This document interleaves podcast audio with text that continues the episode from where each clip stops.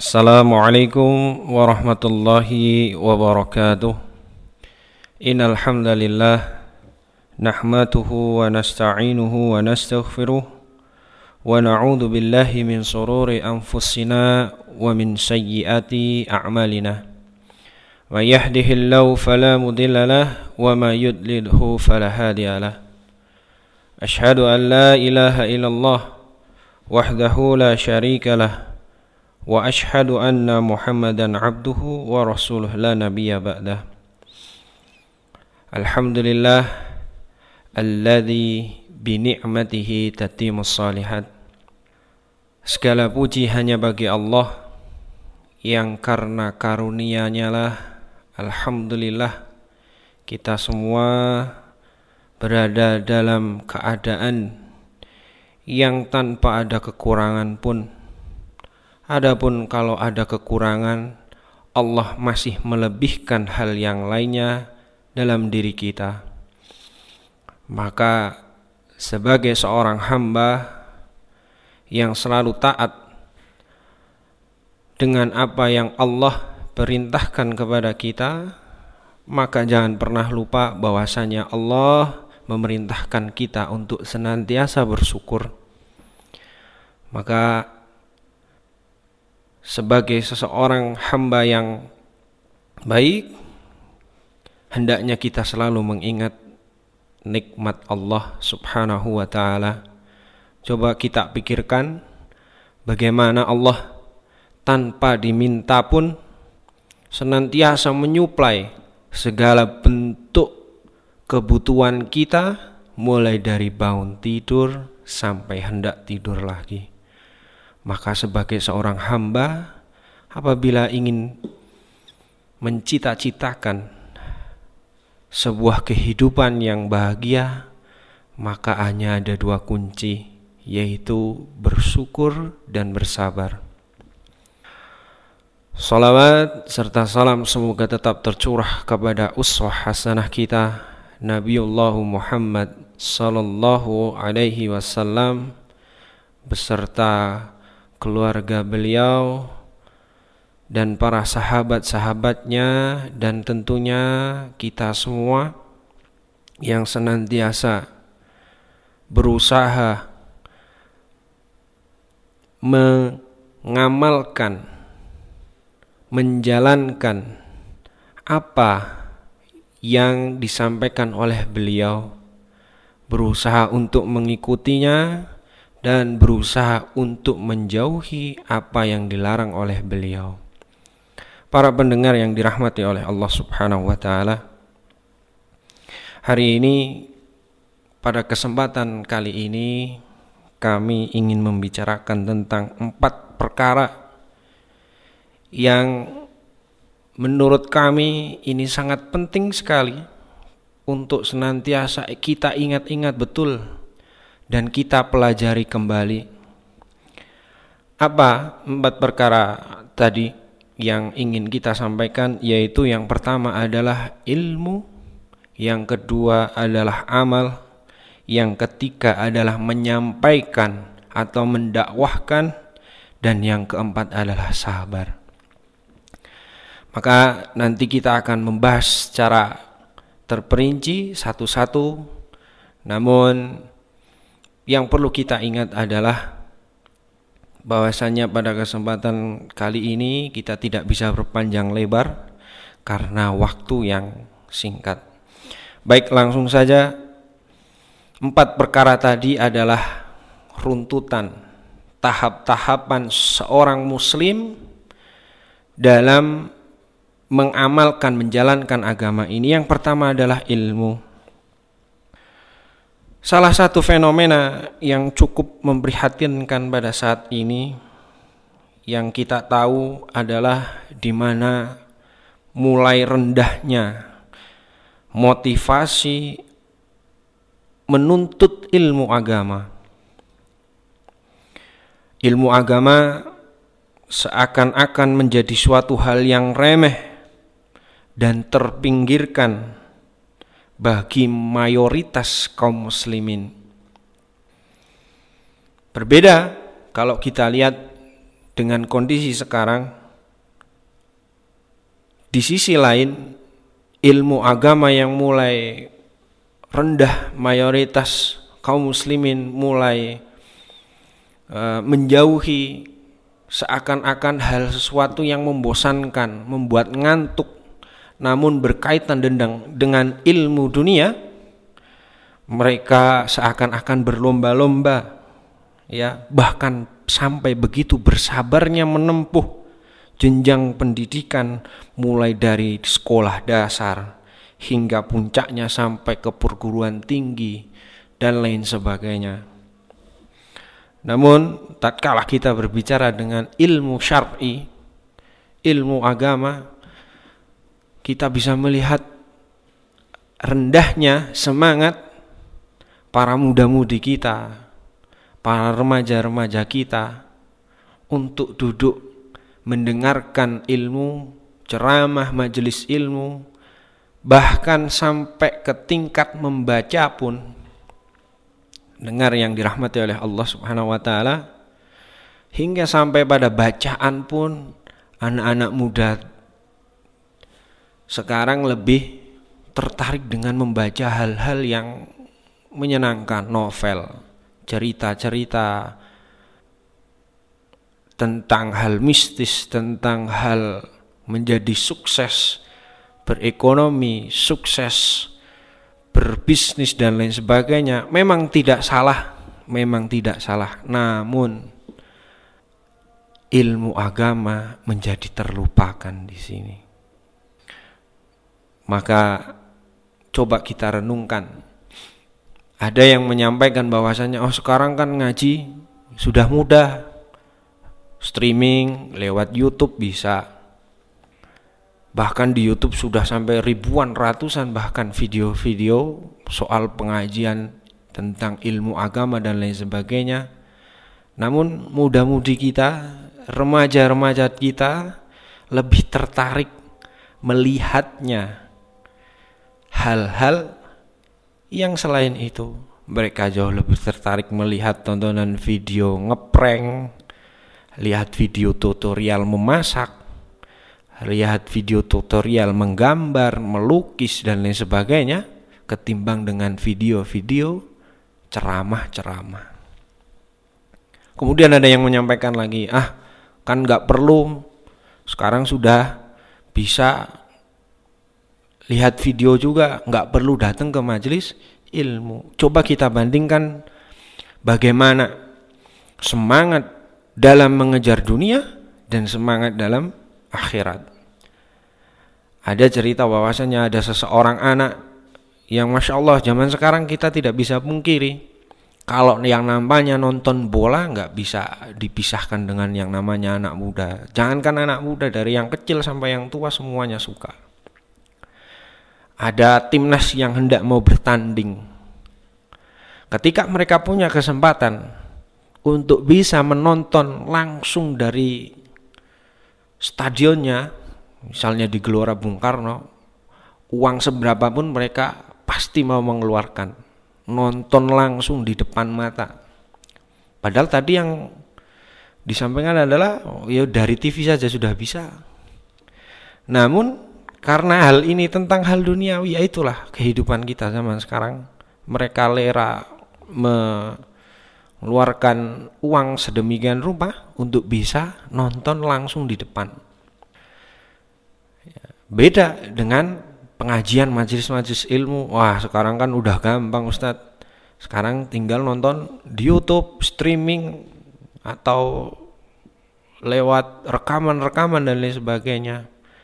Nah, padahal kalau datang ke majelis ilmu nggak dipungut biaya, nggak membayar, ya, nggak dikasih karcis untuk masuknya, bahkan mendapatkan faedah-faedah manfaat yang begitu luar biasa. Namun orang enggan mau mendatangi majelis ilmu. Padahal mendengar yang dirahmati oleh Allah Subhanahu wa taala menuntut ilmu itu wajib bagi setiap muslim. Rasulullah sallallahu alaihi wasallam pernah bersabda, Talibul ilmi faridatun ala kulli muslim. Menuntut ilmu itu wajib atas setiap muslim.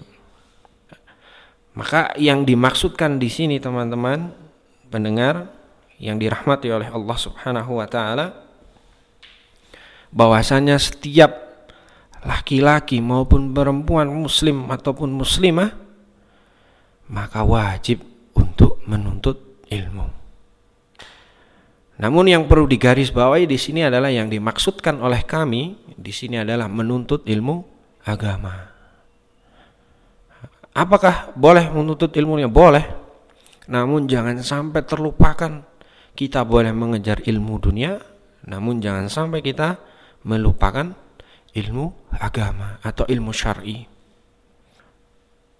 Berkaitan hal ini juga Rasulullah Shallallahu Alaihi Wasallam pernah bersabda, yaitu hadis Abu Hurairah radhiyallahu anhu, "Man salaka tariqan yaltamisu fihi ilman."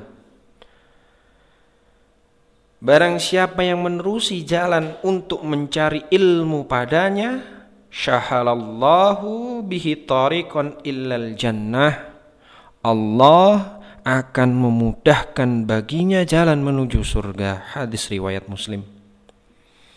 Maka orang yang semangat untuk menuntut ilmu, semangat untuk memahamkan diri terhadap ilmu agama, maka Allah akan memudahkan jalannya menuju surga. Kenapa kok bisa? Kenapa kok kita harus suruh berilmu terlebih dahulu? Maka pentingnya di sini menuntut ilmu adalah agar kita faham menjalankan agama harus didasari dengan ilmu. Maka poin penting pertama di sini adalah bahwasanya kita setiap muslim dan muslimah wajib menuntut ilmu. Kemudian poin yang kedua dari pembahasan kita hari ini yaitu amal. Setelah seseorang mempunyai ilmu, belajar ilmu, memahami segala bentuk amalan-amalan, tata cara dan lain sebagainya, ketika seorang sudah faham, maka Langkah selanjutnya seorang muslim ketika sudah berilmu kemudian mengamalkan. Karena apa? Buah dari ilmu adalah amal. Rasulullah Shallallahu Alaihi Wasallam ketika setelah selesai salam sholat subuh, beliau terbiasa membaca sebuah doa. Allahumma ini as'aluka ilman nafi'ah wa rizqan tayyibah wa amalan mutaqabbalah. Ya Allah, sesungguhnya aku memohon kepadamu ilmu yang bermanfaat, rizki yang halal, dan amalan yang diterima.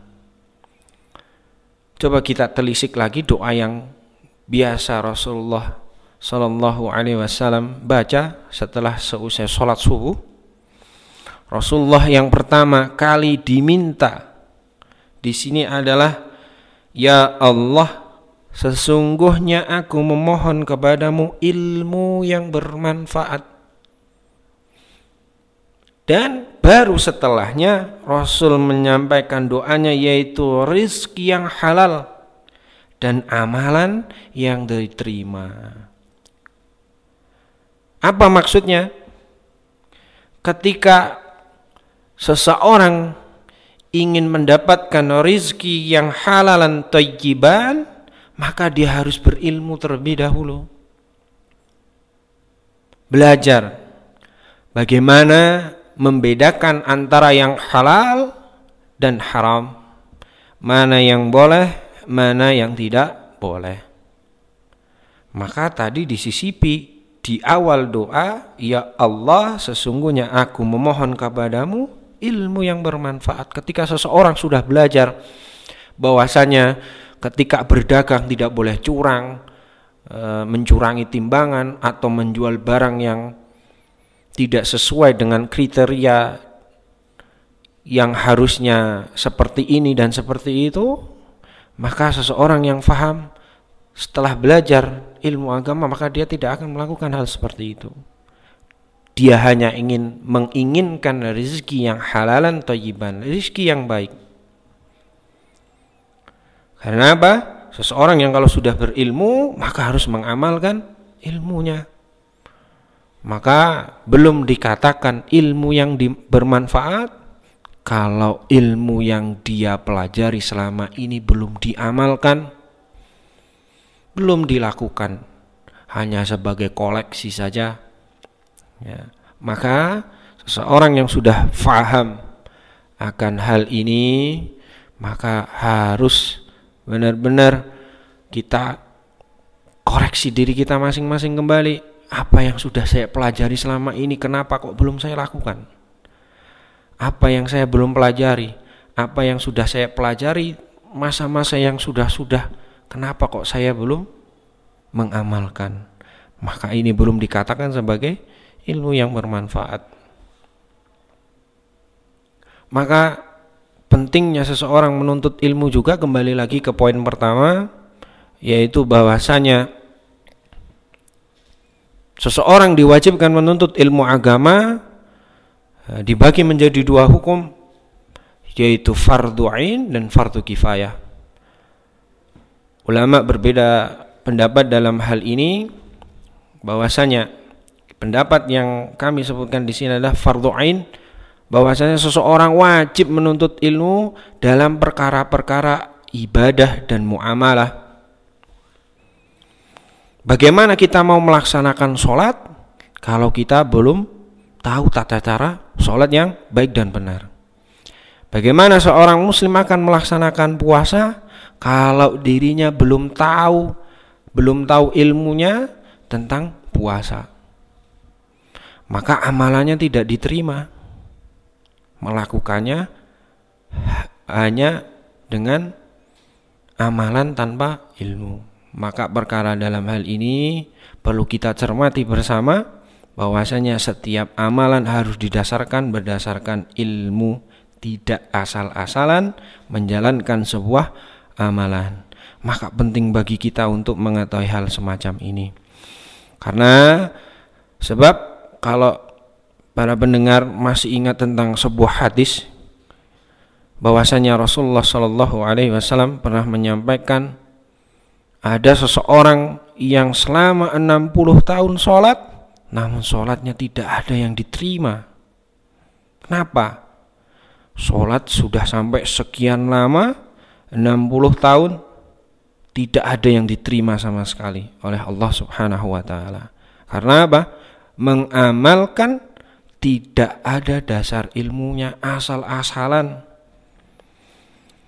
Takbirnya salah, rukuknya salah, sujudnya salah, sholatnya tidak tumak nina, maka orang yang beramal tanpa ilmu maka menjadi sia-sia. Maka tadi poin pertama adalah setiap muslim wajib berilmu, wajib menuntut ilmu agama agar tahu perkara-perkara muamalah ibadah, tahu.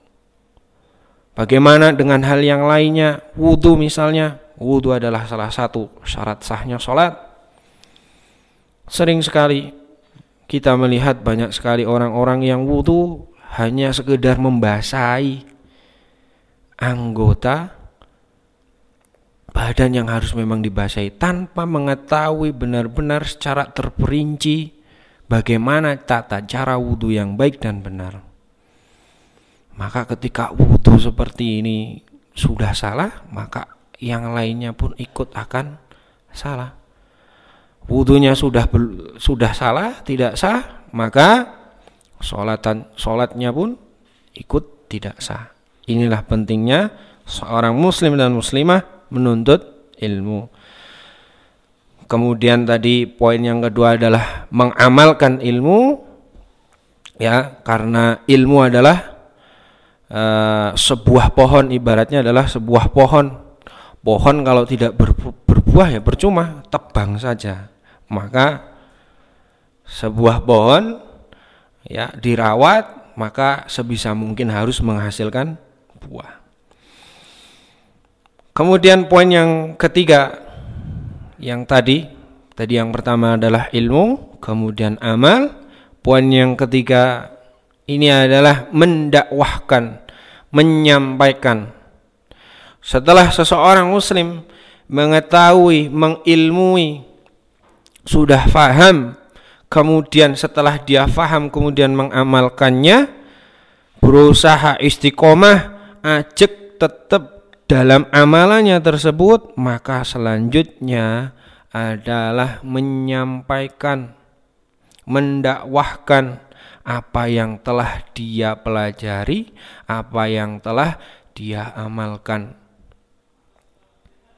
Maka dari ketiga poin ini belum sampai ke terakhir ini kita sudah tahu bahwasanya setiap muslim dalam beragama harus berdasarkan ilmu, harus berdasarkan dalil, bukan asal serampangan. Oh, si A melakukan amalan seperti ini seperti ini, ah saya ikut. Oh, si B melakukan amalan-amalan seperti ini, ah saya ikut tanpa kita mengetahui dasar apa sebab orang itu mengamalkan hal tersebut. Maka ini jadi berbahaya.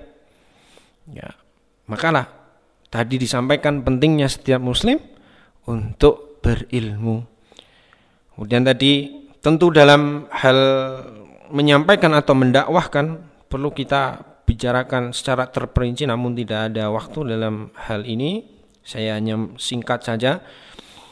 Setelah kita berilmu seorang muslim, muslimah setelah berilmu berusaha mengamalkan istiqomah di dalamnya, menyampaikan dalam menyampaikan ini enggak harus seorang ustadz atau kiai atau ulama setiap muslim setiap kita ini diri kita harus paham betul bahwasanya dari kita harus saling mengingatkan satu sama lain.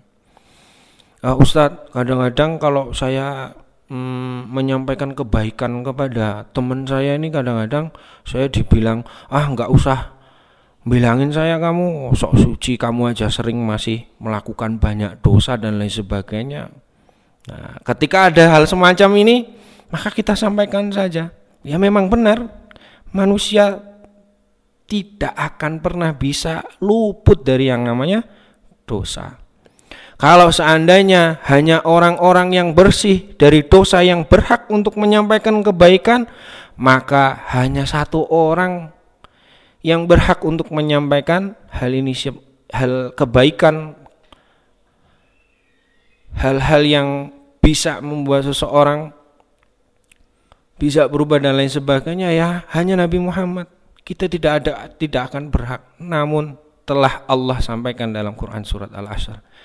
Wattawassaw bil wattawassaw saling memperingatkan satu sama lain mengingatkan manusia itu butuh diingatkan. Maka dalam hal ini juga uh, berdakwah atau menyampaikan kebaikan tidak harus di mimbar tidak harus di masjid-masjid dan lain sebagainya. Kita kadang-kadang luput tuh ya. Coba kita salurkan ke tempat lain di media sosial kita, di tulisan-tulisan kita, di status-status kita. Nah, daripada berisi hal-hal yang kurang bermanfaat, alangkah baiknya ketika kita mampu dan bisa menyampaikan kebaikan-kebaikan dengan fasilitas yang sudah kita miliki. Maka Hal ini perlu kita ketahui juga bahwasanya Rasulullah Shallallahu Alaihi Wasallam menyampaikan barang siapa yang mengajak kebaikan kepada orang lain maka dia juga akan mendapatkan kebaikan yang serupa tanpa mengurangi pahala dari yang diajak. Nah, kan senang ini yang namanya ibadah cerdas. Ya, mengajak kebaikan. Ketika A mengajak si B, si B kemudian mengajak si C, si C mengajak si D, oh yang A ini sudah panen pahala itu. Maka bergembiralah bagi orang-orang yang suka dengan hal seperti ini. Jangan pernah kecut, jangan pernah minder untuk menyampaikan hal kebaikan. Tentu memang setiap kita pasti punya kekurangan. Namun hal itu bukan berarti kita menjadi minder untuk menyampaikan hal yang benar. Maka dalam hal menyampaikan kebenaran tadi kuncinya yang kedua. Yang pertama adalah ilmu harus menyampaikan harus berilmu dulu. Kemudian dia sudah mengamalkan, sudah mempraktikkan. Maka barulah dia menyampaikan ke temannya, keluarganya, bapaknya, ibunya, adik-adiknya, saudara-saudara terdekat terlebih dahulu. Ya, yang perlu kita ingatkan. Kemudian dari ketiga hal tadi kita lanjutkan lagi yang terakhir yaitu bersabar di dalamnya. Bersabar di dalamnya yang dimaksudkan di sini adalah bersabar dari ketiga hal yang tadi sebelumnya. Menuntut ilmu agama itu dibutuhkan kesabaran datang dari rumah ke tempat majelis ilmu butuh waktu setiap hari Selasa, Kamis, Jumat, Sabtu, Ahad.